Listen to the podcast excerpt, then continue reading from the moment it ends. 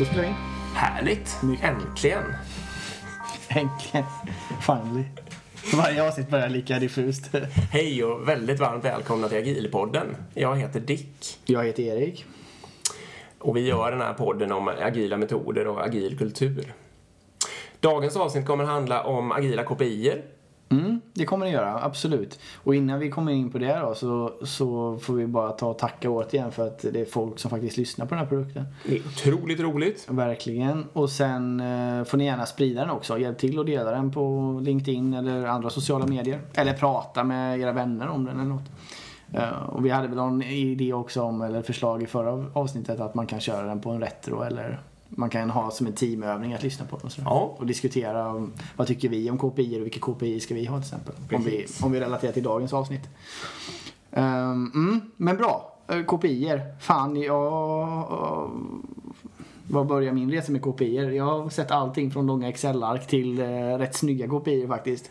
Och jag har ställt mig väldigt skeptisk till om man ska ha det och inte ha det. Vi kommer in till det, vi kommer in på det mer sen också. men så. Är det fult med KPIer? Ja, är det fult? Ja, spontant så gör det ont i mig när jag pratar om KPI. Men jag sitter ju också själv och fyller i KPI-ark och visar för min verksamhet. Så, så på något, något syfte har det ju. Ehm, och det är kanske är där vi ska ta avstamp då. Vad, vad finns det för bra grejer Ja. med agila KPI? Eller med KPI?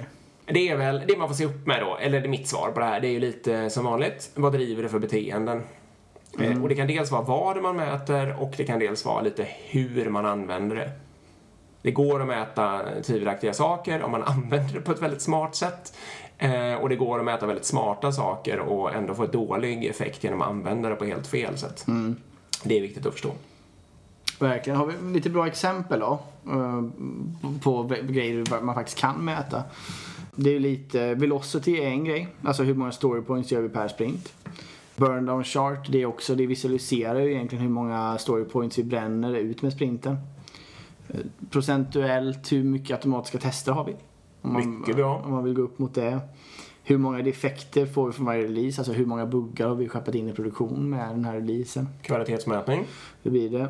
Eh, något som jag själv använder faktiskt det är att visa committed versus delivered. Och det blir i form av eh, en procentuell liksom. Mm. En slags leveransprecision. Ja, det blir det. Alltså vi har committat till eh, 20 story points men vi levererar 15.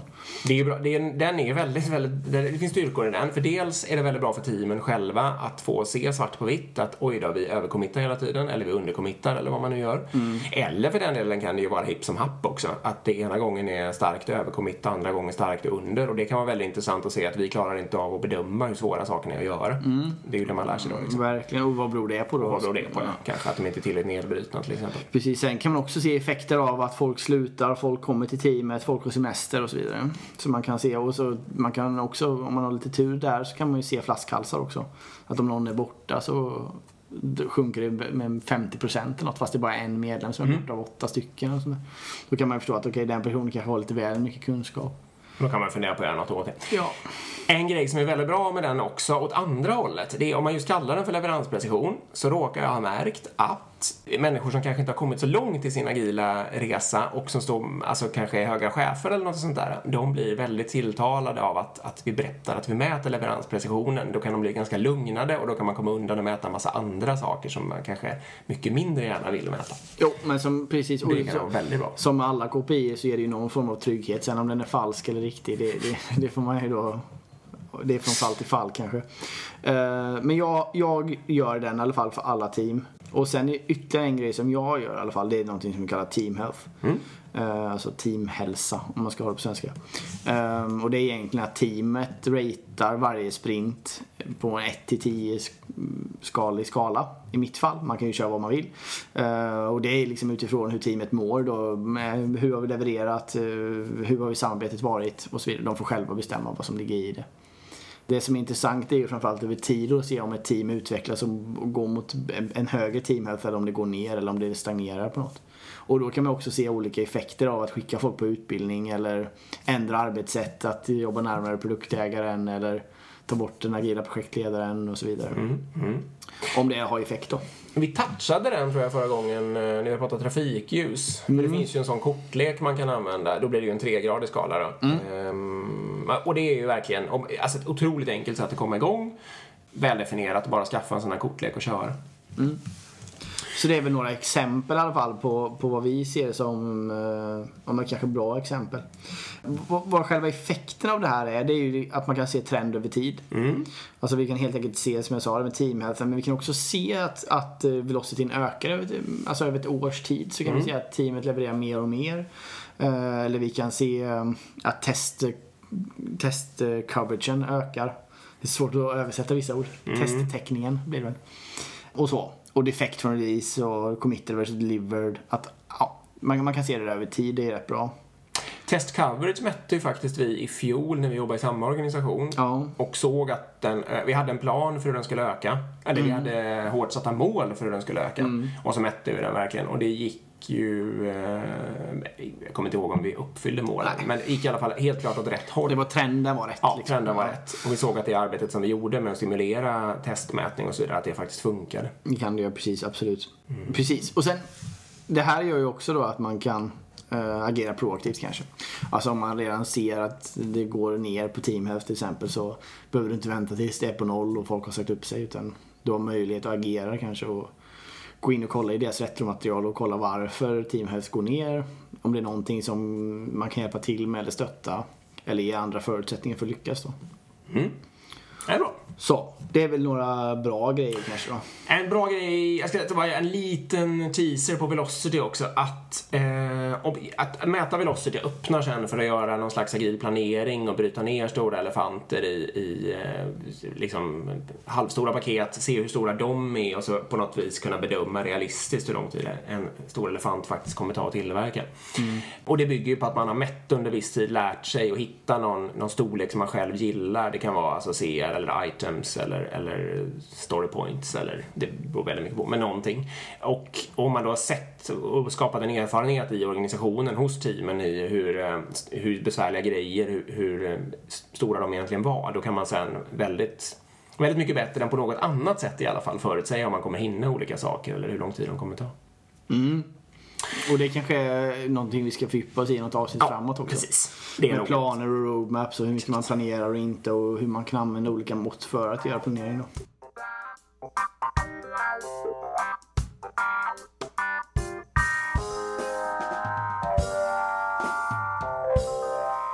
Det här, äh, de här sakerna vi har sagt nu, det är ju sånt som vi uppfattar som exempel på vad, vad som kan vara bra att mäta. Då.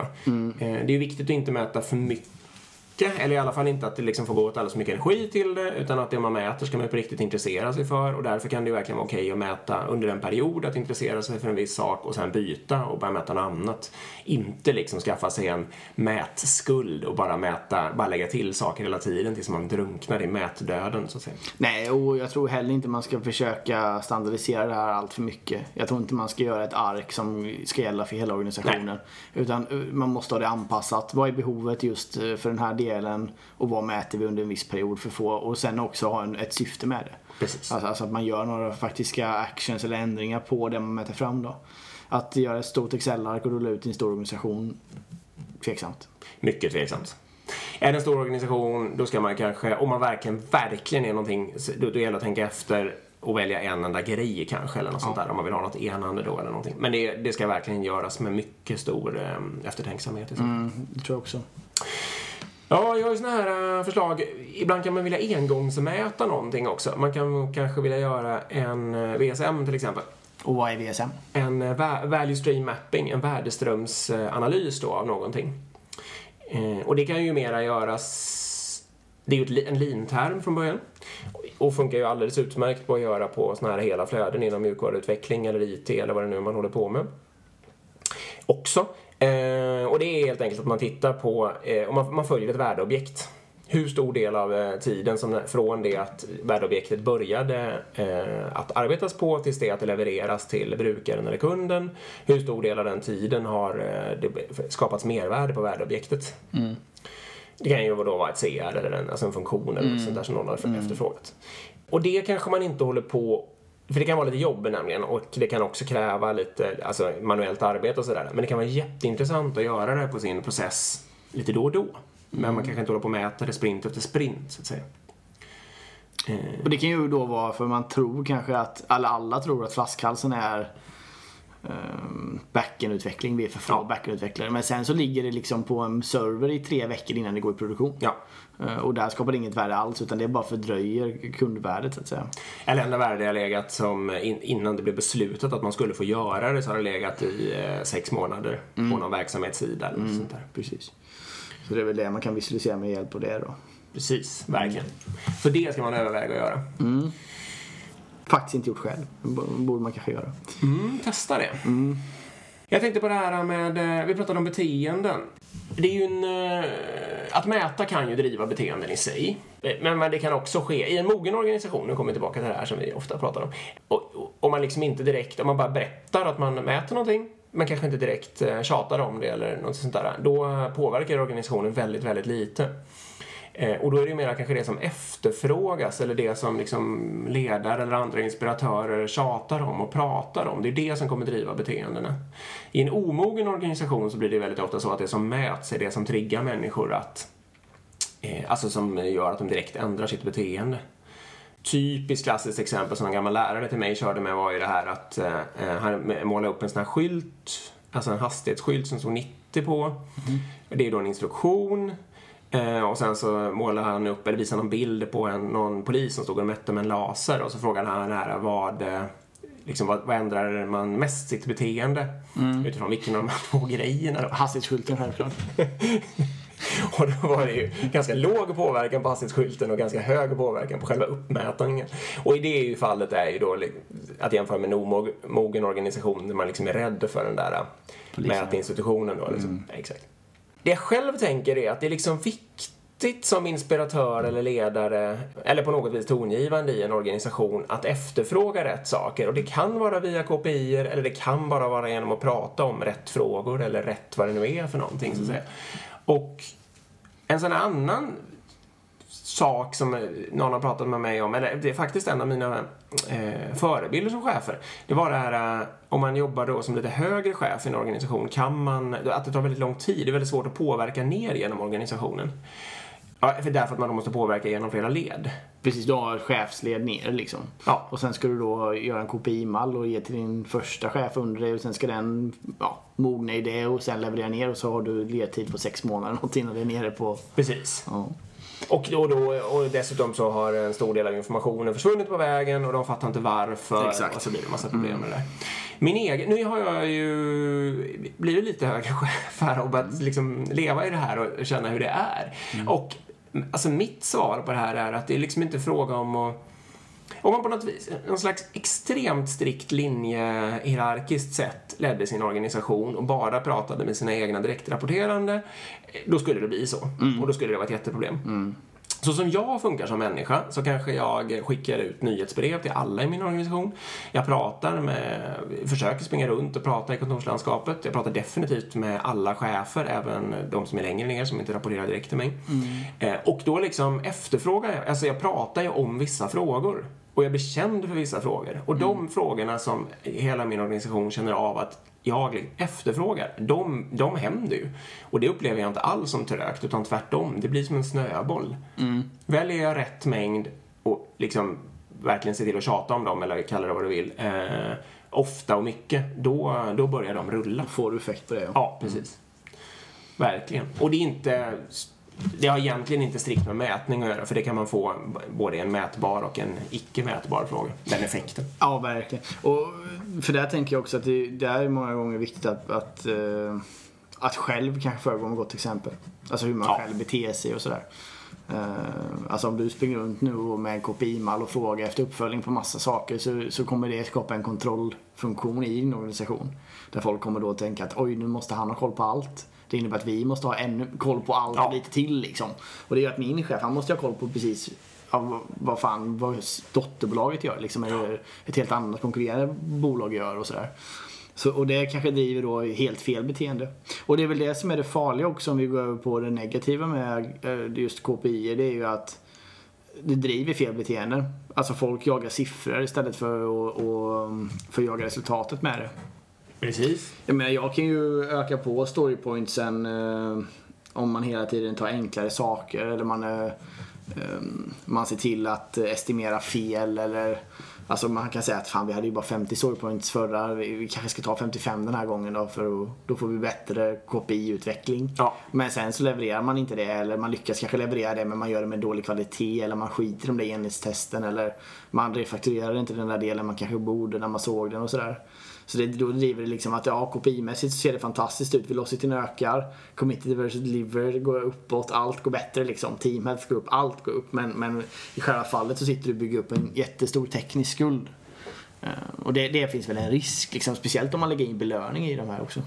Verkligen. Och eh, det typiska risk... Om man använder det på fel sätt så kan man ju få inflation i alla de där, eh, alltså i alla såna här valutor som, som inte liksom är strikta. Mm. Eh, typiskt story points då. Det går ju att ja, fuska Mm. genom att låta det gå inflation i, i hur mycket en story point egentligen är. Helt plötsligt har teamet så här 1 250 000 storypoints per sprint. Ja, och eh, precis. Och då har man ju hamnat i någon sån här eh, bananekonomi eller liksom planekonomi eller liksom så man får driva fram sådana beteenden om man inte passar sig. Nej, det gäller ju verkligen att göra det, alltså visa att vi mäter tillsammans för att kunna utveckla verksamheten tillsammans. Eh, Precis, det får inte vara en, det får inte vara en kontrollfunktion liksom att nu ska jag mäta dig och se om du presterar liksom här nere. Eh, utan det måste ju snarare vara, och, det, och hur får man till det? Jo det är ju såklart eh, någon form av transparens men också att man förklarar syftet med det. Alltså nu mäter vi den här delen för att vi vill öka kvaliteten på grund av det här. Ja. Eh, och vi tror att ni är de som måste, eller vi måste göra det ihop liksom på något sätt. Mm. Ja, blame och ryggen fri är ju en sån här typisk fara i, med kopior också. Att om, om det liksom börjar användas för att skuldbelägga eh, eller döma människor. Eh, Då kommer man driva beteendet att de försöker hålla ryggen fri. Och då, det blir inte, oftast inte alls det beteendet man vill ha. om Man vill ha en hög eh, effektiv organisation. Så. Nej, precis. Det kan ju vara i vårt exempel att en kund tycker att eh, systemet är helt oanvändbart. Men eh, kopimässigt, som de vi nämnde innan här, så uppfyller vi alla till fantastiskt Ja. bra. Men då är det liksom bara, nej men vi följer alla kopior och vi gör det som vi är tillsagda så jag skiter i att använda. Alltså Ja. det får du tycka vad du vill och det är inte mitt så. Man kommer i den situationen då. Sånt ska man ju verkligen akta sig för. Ja, och det... Jag kan säga att jag har själv inte upplevt jättemånga bra KPI-rapporter i mitt liv. Utan många tenderar att gå hitåt, dessvärre. Ehm, Det är, det är en kontrollfunktion från högre chefer. Det blir lätt det. Väldigt, väldigt ofta är det det. Eh, Och syftet förklaras inte ner i organisationen varför vi gör det. Utan det bara kommer en mall och den ska fyllas i. Ja. Och den är ofta inte ens transparent utan det är en chef som fyller i den och sen lägger, vänder den direkt upp igen. Och den chefen visar aldrig för teamet och förklarar aldrig syftet och sådär. För den kanske själv inte vet. Mycket vanligt. Mm, och det får man se upp med det för guds skull. Transparens då? Ska man ha fullständig transparens i det som mäts eller inte? Ja, min, min spontana känsla är ju ja. Ja, ja och ja. Du ska vara fullt transparent med det. För grejen är, jag bara tänker mardrömsscenario här. Det är ju liksom då att okej, jag börjar mäta mitt team på någonting. Säg deras kvalitet eller deras leverans. Och så säger jag inte det till dem. Och sen så rapporterar jag ut i organisationen eller uppåt till chefer. Och sen så kommer det på sidovägar till teamet att ja, det gick ju inte så bra förra sprinten. Nej. Eller vadå? De fattar ingenting. Vad gjorde det inte? Nej, det är ju katastrofalt dåligt. Eller, ja, eller, eller till och med det gick bra. Eller, men nu tror jag värsta exempel, det gick inte bra. Nej men jag såg eh, KPI-rapporten här från eh, Erik liksom att eh, här var det ingen leverans direkt. Var, var, var, fikade ni mycket eller vad gjorde ni liksom? Och då, då känns det som att okej, då, då har inte jag förtroende i team. Alltså ni förstår, det blir ju katastrofsituation. Så på så sätt ja. Jag var ju själv, jag satt och funderade på det här förut och funderade lite på om det, eh, ett sånt case då när man kanske inte skulle ha onödigt hög transparens. Det skulle kunna vara om man vill undvika något inflationsbeteende. Det skulle kanske kunna vara om man har någon slags omogen organisation eller liksom är rädd att Typiskt då story points, eh, att det ska gå inflation i dem. Eh, och då kanske jag som hög chef vill se om effektiviteten ökar från år till år. Och då kanske jag lite hemligt själv bara vill mäta, om jag kan göra det, kanske helt utan att blanda in någon nästan, eh, hur många story points vi levererar varje år eller i förhållande till organisationens storlek eller något sånt där. Men liksom tjatar man om det, då kommer ju, är det ju risken jättestor att eh, folk börjar bedöma arbetspaketen som fler story points. Liksom. Och det skulle kunna vara en anledning att inte vara fullständigt transparent. Om å andra sidan organisationen var supermogen så tål den, då kanske man kan säga det att det, det där sitter jag och mäter i hemlighet eller liksom något sånt där och de bara kommer skratta och... Och säga, ja, gör, gör du Ja, det? gör du det, Ja, det, liksom, det liksom. skiter väl vi i. Ja, Och absolut. det är ju förstås där man vill hamna då. Ja, det är det ju absolut. Så man, man kanske hamnar i att man, man vill det är okej att liksom att säga vad man mäter fast man kanske själv tycker att det är dumt och sådär. Men, men det påverkar inte teamets leverans eller teamets... Det Nej, precis. Det gäller ju att bygga förtroende där. Det är, ju, det är ju någon slags nyckelgrej i det hela. Och ju mer förtroende man som ledare kanske har då, desto lättare är det att vara transparent även om sånt som, som liksom skulle uppfattas som negativt i en dömande organisation. Liksom. Helt enkelt. Ja, finns det några stora no-nos då? Kopior du absolut inte får ha. Ja. Här kommer de. Ta fram papper och penna. Nej, det, så är det inte. Nej, vi, vi kommer ju vi kommer ju återigen lite bra på syfte. Men, men det finns ju några så här, tim, jag är jävligt allergisk mot timmar. Ja, timmar är of- det driver ofta fram det sämsta i mänskligt beteende. Ja, det finns liksom inget bra i att mäta timmar på, på någon nivå. Vi ska inte estimera projekt i timmar, vi ska inte mäta effektivitet i timmar, vi ska inte mäta något i timmar tror jag. Jag vet inte, det är inte helt genomtänkt men spontant är min känsla att håller timmar. Timmar per aktivitet eller timmar per individ eller timmar per både och. Det är typ en sån sak som är dålig att mäta. Allt som mäts på individnivå är väl ganska roligt också skulle Ja. jag säga. Det, det måste ju vara på teamnivå man, man, man lägger det. Annars så är man ju ute och gör någon form av lista på prestation och på individnivå och sådär. Jag tror inte det kan ge så mycket bra effekter. Nej, om man, nu- det kan ju hända att man har ett team, ett obalanserat team med väldigt olika duktiga människor och sådär. Men det får man i så fall försöka komma åt på helt andra sätt. Alltså göra spindeldiagram på kompetens eller något Typ sånt där. Titta vad folk behöver för utbildning och titta vem som ska ha vem som mentor och sånt där. Mm. Men det klarar ju liksom eh, de flesta team själva att ta tag i sådana frågor och börja hjälpa varandra och stötta och sådär. Om, om de bara förstår att de ska det liksom. Det är min tes också, absolut. Det, man, det du nämnde innan när vi pratade om det som hastigast, det var ju lite att man skulle kunna göra någon sån här uppföljning per timme. Alltså om syftet verkligen var att utbilda typ någon klassisk person i att det här inte funkar. Ja, precis. Eller vi ska lära en produktägare varför inte. Alltså vi kanske måste lära vår verksamhet varför ska vi inte göra det här. Ja, Eh, Och då kanske det är bra att göra det och, och bara på så sätt se att det inte funkar. Så att man, om man har något sånt syfte, men så kan man ju, eh, den mest konstiga mätning vara aktuell under, ett, under en period, så att säga. Det finns säkert fler där. Ni, ni kan säkert fylla på. Hjälp oss. Ni kan väl eh, antingen mejla in. Ja, mejla. Mejla in till agilpodden.gmail.com Om ni har eh, några dumma kopior i er organisation så kan vi ta upp dem och, vi, och, eh, och nästa gång kanske. Nej, det vore roligt. Eh, faktiskt. Eh, eller kommentera någon bild på Instagram bara. Så kan, hittar vi det där. Mm. Ta bort kopiorna helt då. Ja, det... Är du sugen på det? Ja, det är jag. Om man känner Erik Ja. lite så kan man tänka sig att han skulle kunna vara sugen på det. Ja, precis. Nej, men det är jag. Det, det är ju en intressant tanke såklart att man förbjuder alla med någon form av ledarroll att efterfråga kopior. Mm. Alltså man får det, det är förbjudet. Men eh, det är fortfarande okej som utvecklare eller för teamet själva? Självklart, om Mm. behovet finns så får de göra det. Det är helt upp till dem. Om de väljer att på sin scrumboard skriva sin velocity varje sprint för, sin planering och för att se att de själva förbättrar sig. Låt dem. Eh, Men eh, man får inte som någon ledare efterkräva. Det, är- det är bara intressant att se vilka, vilka KPI skulle i en sån typ av organisation komma fram. Liksom. Skulle det ens finnas? Skulle, de, eh, skulle liksom ett team gå och springa och snacka med det andra teamet och säga du, velocity borde vi se på alla team. Det skriver vi upp på en tavla här. Eh, Och så aggregerar vi dem och så får vi hela leveransen för den här organisationen. Mm. Eh, Skulle det komma liksom, behövs det ens? Eller är det bara för att, för att Nej, trygga, trygga, trygga chefer och sådär? Ja, det är ett roligt test att göra. Att man förbjuder alla, alla ledare att, att prata KPI. Man kan göra det under en period också. Göra det under sex månader och se vad man får för effekt. Mm. Och sen om din, om din chef i sin tur då kräver massor med KPI och sånt så får du väl hitta på det under en period då. Det är antagligen inte Eller säga att det här experimentet pågår om det känns rimligt. Det beror på transparenterna Ja. igen. Men, men, eh, men visst, det skulle vara intressant. Det, det, för det, det, man skulle, det skulle kunna fine-tunas fram och visa sig då att det kommer faktiskt fram fem, sex olika KPI som många gör liksom automatiskt. Eh, eller mätningar på något sätt som är väldigt, väldigt bra. Mycket, mycket bättre än det som vi chefer tror och hittar på. Alltså vi, det kanske inte är någon på vår den här bra exempellistan som kommer att finnas kvar. Och jag måste få säga en sak till apropå timmar förresten. Eh, en, grej som jag själv har gjort i min organisation. Jag tror inte jag har sagt i podden förut. Nej, säg det igen. Ja, Jag säger glömmer det. bort dem. Eh, nej men så här att, att för en typisk fälla kan ju vara då att eh, timmar efterfrågas eh, från en verksamhetssida.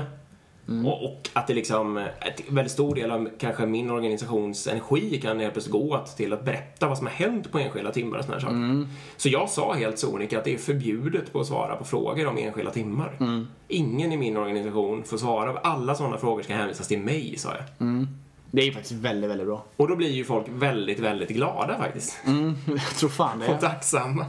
För det är inte så, värde, återigen, det är inte så här värdeskapande aktivitet kanske att sitta där. Nej, det är tydligen väldigt, väldigt mycket frustration i ja. eh, att behöva hantera de frågorna. Så det kan vara tips som ni kan ta till er, ni som är chefer och kan fatta sådana beslut. Ja, verkligen. Det var en mm. bra idé. Var var vi nu då? Vi var på... Vi var på ta, bort, bort det helt. helt. Ja, just det. Precis. Bra. Ja, men förbjud. Ja, ta bort helt. Okej, okay. men man kanske kan om man inte vill vara så radikal och ta bort allt helt så kan man ju... Det var ju faktiskt en, en avknoppning på det. Ja. Alltså ta, ett, ta en del då. Förbjud dem grejerna. Förbjud alla timmar. Ja. Rakt av bara. Och hänvisa det till högsta chef eller någonting. Ja. Som får ta alla de diskussionerna. Eh, det är faktiskt en riktigt bra idé. Det, det ska jag nog själv göra.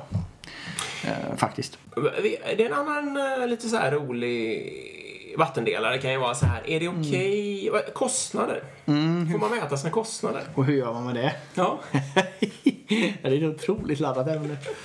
Nej, alltså min är ju, ni kan ju börja, ni börjar ju förstå hur jag lirar. Min tes är ju absolut att de, på teamnivå ska vi inte ha det. Det beror ju på va. Om vi, om vi har en organisation som 99% av alla organisationer ser ut med antagligen ganska ineffektiv intern budget eller intern redovisning. Mm. Eller intern prissättning som det heter på ekonomispråk. Eh, alltså det innebär att man låtsas fakturera varandra med kalanka pengar egentligen för att mm. få någon form av koll på kostnad. Så länge det är så och man sitter med ekonomisystem, Excel-listor och budgetar som ska in och forecasta ett år framåt och så vidare. Så, så absolut inte ner på teamnivå. Uh, utan jag menar, i sådana organisationer så finns ju också ofta väldigt controllers eller chefer som har det som arbetsuppgift. Mm. Det, det, tycker jag ska ligga där. Jag tycker faktiskt inte ens att, om det är allt för krångligt och stökigt så tycker jag faktiskt inte ens att teamet ska ha en aning om vad det innebär. Nej, okej. Okay. Du tycker inte att teamet ska veta vad de kostar? Nej, jag tycker inte att de ska veta något överhuvudtaget om ekonomin eller Nej. hur det funkar. Alltså, eh, om jag, om jag går det spåret då, så kan man fundera på, okej, okay, varför då liksom? Jo, då är det för att det skapar inget mervärde för vår slutkund att de vet det. Uh, ja, en kostnadsbesparing kan man ju tänka då, men, men så. Jag tror ändå inte det. Jag tror snarare det kommer väcka fel debatter och fel beteende. Sen, sen är det ju också i princip vetenskapligt bevisat att diskussioner om pengar dödar kreativitet. Ja, man får bort ja. det i en grupp. Mm. Liksom. Jag menar om du sätter en, en, eh, ett team från, från Apple som ska komma på en ny produkt här nu, en, en ny iPad när inte den fanns eller någonting. Om de hade börjat tänka, vad kostar den här produkten liksom? Okej, en skärm som är så här stor, det finns inte ens touch nej. idag. Nej, det, alltså, det, det, blir ju liksom, de skulle nej, liksom, nej. Utan de måste ju få leva i en värld där, okej, här har ni tre miljarder biljoners dollar, gör vad fan ni vill ja. liksom. Och nu är det ju ett extremfall eh, såklart. Men jag tror ändå att ett utvecklingsteam de ska inte veta vad de kostar för då, börjar de, då kanske de också börjar tänka att ja men vänta nu, nu har vi två olika lösningar här. En där vi inte refakturerar så mycket och vi gör en liten ful lösning. Den kanske inte är jättebra men den är jävligt billig om vi jämför med den här dyra som tar ja. tid och, och så. Det, det, det är mm, spontant. Men, men du vill ha, nu har jag pratat länge. du vill ha kostnad? På team. Det finns ju för och nackdelar då, som ni hör och nu har Erik pekat ut ganska många av ja. nackdelarna här. Eh, jag skulle egentligen i, min, liksom, I en mogen eller supermogen organisation som kanske då tenderar att bli chefslös eller där cheferna liksom har en annan roll och sådär. Då tror ju jag att det är jättebra om teamen känner till sina egna kostnader och känner ansvar för dem. Sen tycker jag, håller fullständigt med dig om att man kan inte ta upp kost på bordet samtidigt som vi pratar innovation eller nya projekt eller idéer eller sådana där saker liksom. Men jag kan däremot tycka att det skulle kunna ha ett värde att ha en känsla för vad är en årskost? Om vi sitter där och jobbar här i ett år, vad har vi kostat då liksom? Mm. Eh, att man har en aning om det, för det är ändå det som på något vis lite visar vad, vad, vad det är för slags värde som i genomsnitt behöver skapas över en flera årsperiod för att det hela ska gå ihop sig. Och att man liksom har lite som tankesätt att om man vore en startup så måste ju en rimlig mängd av de här människorna som jobbar där ha någon slags känsla för vad det är som driver kost och vad, liksom, vad det är värt att lägga pengar och vad man inte ska lägga pengar och så vidare. Mm, det, det, det håller jag med om. Det touchar ju till det då. Och- Och så då, mitt svar blir lite då, jag håller med dig om eh, jättemycket som du säger. Jag håller fullständigt med dig om att kostnadsdiskussioner dödar ju kreativitet och sånt där och innovation och det får man ju verkligen passa sig för. Eh, å andra sidan, om man har en mogen organisation som klarar av att, själva att hantera den ena frågan på ett bord och den andra på ett annat, då ser jag absolut ingen nackdel utan snarare en fördel med att man har känsla för sina egna kostnader. Jag, också lean-människan i mig får ju någon sån här lite, ja vadå ska man ha en chef och en controller som sitter och och ska tänk, proffstänka ut vad de här människorna ska skapa för kostnader. Liksom ska tänka ut vad deras dator, vad det, vad det är för licenser de behöver, vilka konferenser de ska Mm, åka på och så vidare. Och så vidare liksom. Vad är det för mervärde? Nej, det är ju värdelöst. Precis, men, men, men, individen själv är ju den som kanske vet vad det är Mm. den behöver. Jag håller Ja. med. Jag, jag, jag håller helt, det, det håller jag med om i och för sig då. Och, Det beror på. Eller? ja, det, ja, det beror på så självklart. Men, men om jag tittar verklighetsbaserat bara så är det ju så att i alla fall mig vetligen så 99% av alla organisationer i Sverige i alla fall de sitter ju med en ineffektiv kostnadsmodell. Ja, Eh, precis. och då pratar jag för de 99% av fallen så borde inte teamen veta. Det finns säkert undantag med startups där det inte har det här. Eller det finns kanske företag som har en enklare modell också som gör att det är väldigt simpelt att förstå. Och det, det är inga overhead-grejer som läggs på och det är inga, ja och så vidare. Det är enkla flöden med bara in och ut pengar liksom. Då, då är det ju väldigt lätt. Ja, precis. Det är ju, om man ska belasta teamen med det så måste det vara otroligt enkelt. Det är förvisso helt sant. Ja, det behöver vara väldigt intuitivt. Det behöver det ju vara. Ja, härligt. Ja, bra. Så eh, nu, är det ju såklart för er då när ni går till jobbet här.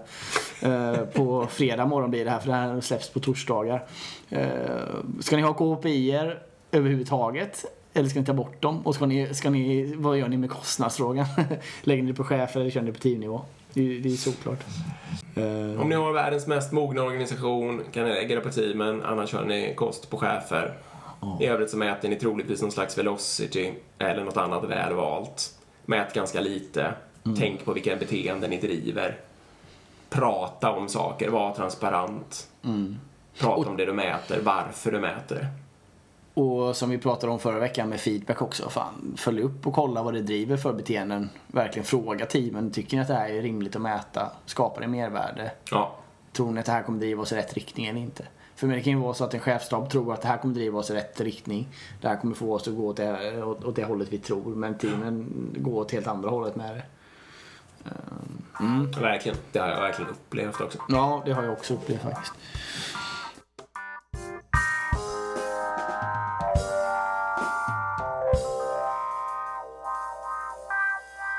Ska vi gå in på eh, veckans lyssnarfråga då? Oh, ska du läsa upp den kanske? Ja, det ska jag göra. Bra. Vi har fått in frågor. Nu, nu måste vi få in mer frågor dock. Så vi uppmanar på en gång här då. Skicka gärna frågor. Det kan vara allting. Eh, och återigen, case vore otroligt roligt att gå in och grotta i. Då måste vi i och för sig ha ganska mycket information. Men skicka det till eh, uh, agilpodden.gmail.com Eller kommentera på Instagram, agilpodden där också. Eh, men dagens, eller veckans fråga är egentligen hur mycket tid ska man lägga ner på analyser innan man släpper version 1.0 av en produkt? Inget system är ju perfekt från början, men samtidigt vill man ju inte ha missnöjda kunder. Det är ju en eh, relevant intressant fråga. Ja, så frågan är hur mycket tid ska man lägga ner då? Innan man släpper version 1.0. alltså man kan ju... Jag går igång lite på Ja, här jag vet. Version 1.0, det, det, det, hade man, hade det man inte, bra. nej, hade man inte phrasat det så så hade det varit helt okej. Men just Ja. den får mig också lite varm. Jag Alltså. känner pulsen ökar. Ja. Eh, så mitt svar då, det är att man har släppt eh, ett antal, eh, alltså man har släppt version eh, 0.1, 0.2 och så vidare. Och massvis med sådana versioner och de har körts av riktiga användare. Eh, och de har man fått massor av feedback på. Och sen beror det, lite på, det här beror ju lite på vad det är för bransch, vad det här 1.0 egentligen betyder. Det kanske betyder att det är då man börjar ta betalt eller det kanske betyder att det är då man garanterar någon slags funktion eller både och då. Eh, och där gäller det ju att ha en balans där man själv känner att en trygghet utifrån kund eller brukaråterkoppling. Det gäller att få väldigt mycket återkoppling helt enkelt och känna när man har den tryggheten att släppa den här 1.0 som man då tar betalt för eller vad det nu är för någonting. Eh, och det beror ju så himla mycket på vad det är för någonting, hur långt det där ska drivas. Men vi kan ta ett case. Vi, vi, Ja. vi, vi, gör en app till exempel som eh, man kan köpa sushimat på. I Stockholm. Ja. Så det är alla sushi-restauranger och hemkörning och så vidare. Ja. Så vill du ha sushi så är det den här sushi-appen du ska ha. Och så börjar vi eh, skissa på det här nu då liksom. Eh, Som någon form av idé. Redan där så vill vi antagligen ha med en del kunder i bara skissandet på idén. Ja. Alltså nyckeln blir någon som tar med kunden i analysen. Måste ha med en sushiätare liksom. Ja, precis. Eh, och kanske en sushi-restaurang eller någonting. Så, så det blir ju ett svar då. Ta med kunden. Gör inte en analys, släpper version 1.0 och sen fråga kunden. Utan kunden ska ju med från början Ja. i analysfasen liksom. Eh, men, men jag menar rent princip då, då. Det vi kanske först gör här är att ta fram ett koncept och vi säger okej det är ungefär så här. Vi vill att det ska se ut. Den här funktionaliteten är basic och kommer behövas. Här är lullull. Vi kan lägga på senare versioner. Alltså typ ratings och olika sushi-restauranger. Det kan komma senare och sådär. Och så säger, men vi säger att vi börjar med att göra logotyp och så gör vi ett gränssnitt på det här, så här kommer det se ut. Vi kommer ha röd bakgrund och logotypen kommer vara svart liksom. Släpp det då. Mm. Jag menar, du behöver inte släppa det till alla sushiätare i hela Stockholm, men släpp det till eh, fem vänner. Ja. Eller släpp det till eh, tio, en population på tio personer varav du vet att tre av dem äter mycket sushi. Och bara få feedback på loggan och får man en bra känsla liksom. Ja. Röd är en bra färg, det, det rimmar med sushi. Det har med Japan att göra. Eh, ofta är det röda tallrikar och så vidare. Bra. Men svarta loggan har lite svår kontrast mot den röda till exempel på Android-telefoner. Ja, Så vill man ju komma igång va. Och sen får man ju öka på det där och knyta upp samarbete med en restaurang och försöka få alla dess kunder att köra appen till exempel. Exakt. Man kan få 10% rabatt på den restaurangen om man använder appen och så vidare. Så, så det, det blir svar. Alltså, och nu kanske det låter larvigt då, för du menar kanske med version 1.0 att ja, vi säger version 0.1 men då, då kanske du säger att ja men om jag har ställt frågan vad, ska jag göra innan version 0.1 istället. Vi, alltså, vi bara vänder på siffrorna men men jag hoppas du förstår ändå att vi, vi vill bryta ner det. Om du hade sagt frågan istället om det var version 0.1 så hade vi sagt gör version 0.001 då. Så bryt ner det så. Så, så. så kan vi fortsätta all evighet liksom. Men det vi tycker är väl liksom leta upp en kund eller brukare av något slag minst Ja. eh, när du börjar göra vad det är du tänker göra för någonting liksom, och få återkoppling redan i någon slags grundläggande spesarbete eller vad det nu är för någonting.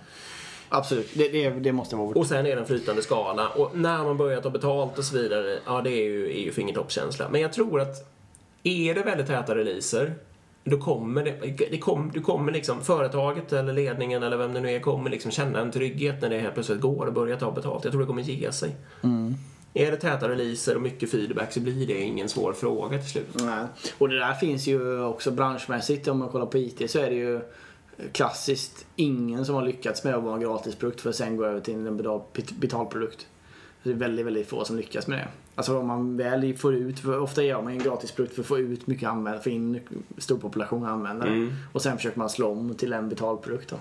Nej, det brukar vara Eh, svårt. Det brukar vara väldigt svårt. De som faktiskt har gjort det väldigt bra är ju Spotify. De har ju fortfarande en free-version men den är i princip oanvändbar. Mm. Alltså det är de randomiserar låtar och kastar in och, och så. Jag vet att det var många som trodde att de skulle gå under på att de skulle börja ta betalt. Mm. Men, det, men det var ett helt annat sidospår. Lite intressant bara. Mm, det kanske vi ska ha som ett avsnitt affärsmodeller faktiskt. Ja, det ska vi ha. För det är ju väldigt intressant. Vissa lyckas hur bra som helst och andra har ju väldigt stora utmaningar, typ dagstidningarna och sånt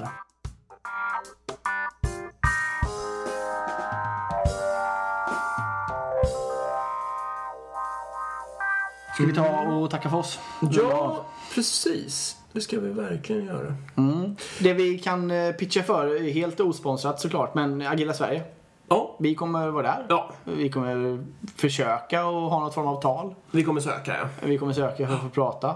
Eh, om inte vi får prata, skit i det, gå ändå. Precis. Eh, det, det är jätteroligt forum att vara på. Det finns mycket roligt folk att prata med. Mm. Eh, så vi hoppas vi, vi ses där om inte annat. Mm. Första till andra juni. Ja, det är det. Och det är väl bara att googla på Agila Sverige antar jag Ja. hittar. Det, är väl man, det är ganska billigt också. Det kostar 4000 kronor och sånt där för två dagars konferens. Ja, och som vanligt ha följ oss på Instagram, agilpodden, mejla frågor och sånt. agilpodden.gmail.com Mycket gärna. Tack för den här veckan. Tack, Tack, för att tack. ni lyssnar.